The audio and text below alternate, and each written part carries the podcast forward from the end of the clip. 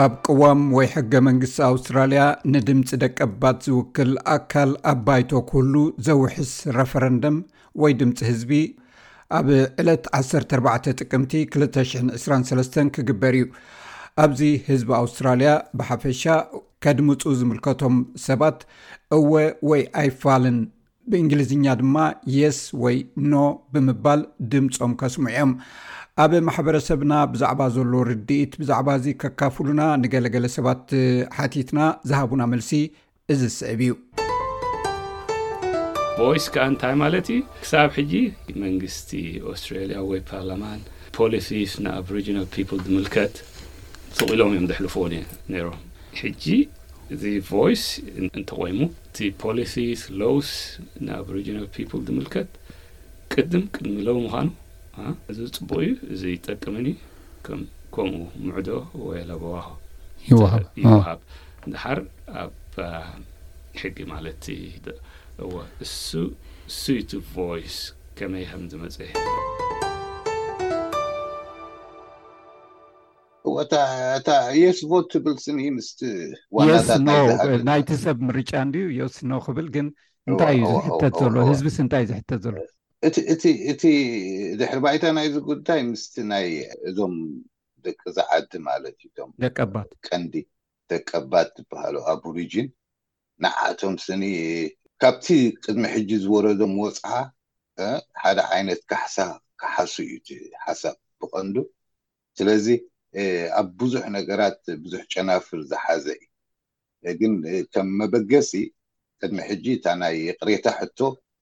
ድሕሪ ክንደይ ዓመታት ተቀቢሎማ ተባሂላ ይቅሬታ ተባሂሎም ድሕሪኡ ግን ዝመጽእ ኣሎ ናቶም ቦታ ኣብ ዝተፈላለየ መዳያት ማለት እዩ ናይ ናይ ስራሕ ይኹን ናይ መንግስታዊ ትካላት ገለ ሓያል ሽሙ ክህልዎም ማለት እዩ። ዝረኣኽዎ ወይ ዝተኸታተልክዎ ነገር የለን፣ ግን ሓፈሻዊ እቲ ረፈረንድም መሰል ናይቶም ደቀባት ዝያዳ ካብቲ ዝነበሮ ዝያዳ ተወሳኺ ዳርጋ ከም ላዕሊ ስልጣን ወይ ቦታ ናይ ምውሳን ወይ መሰል ክህልዎም ምድማጽ እያ ኮይኑ ተሰሚዓትኒ ግን ብዕምቆት ንሕና ከም ክስታይሲት ብዙሕ ኣይተዘራረብናሉን ኣብ ነንሕድና ከም ኮሚኒቲ ወይ ከም ማሕበረሰብ ብዙሕ ኣይተገደስናሉን ሓቂ ዘረባ ግን እዚ ጉዳይ እዚ ሓደ ካብቲ ንዓና ዝተዋሃበ መሰል ስለ ዝኾነ ክንጥቀመሉ ድማ ኣገዳሲ ኮይኑ እዩ ትስማዓኒ ነበሮም ወፅዓ ሕጂ ኣብቲ ናቶም ሪፕረዘንታቲቭ ማለት እዩ ኣብ ካቢነ ኣብቲ ዝለዓለ ስልጣን ናይዚ መንግስቲ ቦታ ክረክብ የስ ዝብል ማለት እዩ ኣብኡ እንተ ሪፕረዘንት ገይሮም ወፅዕኦም ወይ ከዓ ዝኾነ ነገር ድሌቶም ጥለቦም ማለት እዩ እቲ ህዝቢ ይውከል ኣሎ ማለት እዩ ስለዚ እዚ ከዓ ብጣዕሚ ፅቡቅ እዩ ኣዝዩ ነቶም ኣቦርጅንስ እናተቀየሙ ካብ ዝነብሩ ብጣዕሚ ዕድል ዝህብ እዩ ክብል እደሊ። ሕጂ እንታይ ድዩ ንሕናሲ ኣብ ዓድና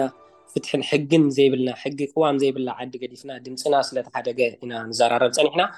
ኣብ ኣውስትራልያ ድማ ኣብ ዓሰርተ ኣርባዕተ ኦክቶበር ክልተ ሽሕን ዕስራን ሰለስተን ብዛዕባ ናይ እዞም ኣውስትራልያን ኢንዲጂኖስ ቮይስ ሪፈረንደም ክካየድ እዩ ሕጂ ንሱ ከዓ ከምቲ ኣብቲ ቅዋም ናይቲ ዓዲ ንዕኦም ሪኮግናይዝ ዝገብሮም እዞም ንሕና ቀዳሞት ነበርቲ ናይዚ ዓዲ ኦሪጂንስ ኢልና ንፅውዖም ቴሪቶሪያል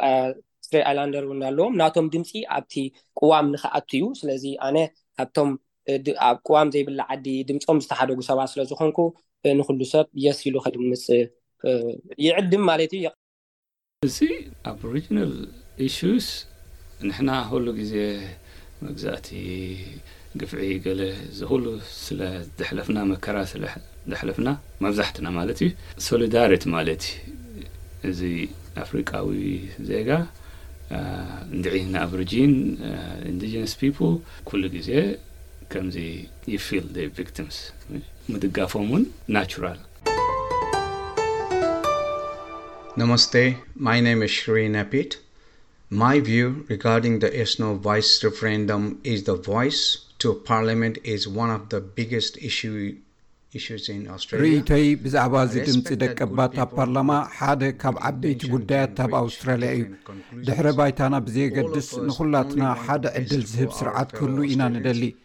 እዚ ረፈረንደም መጻኢና እንታይ ክመስል ከም ዝኽእል ዕድል ክህበና እዩ።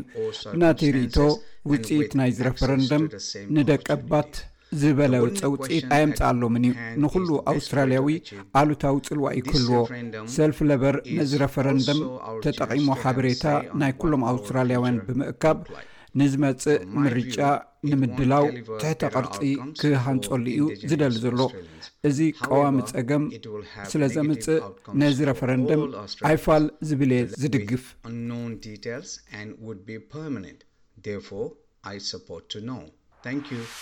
ማሕበረሰብኩም ዘተኹም ስቢስ ትግርኛ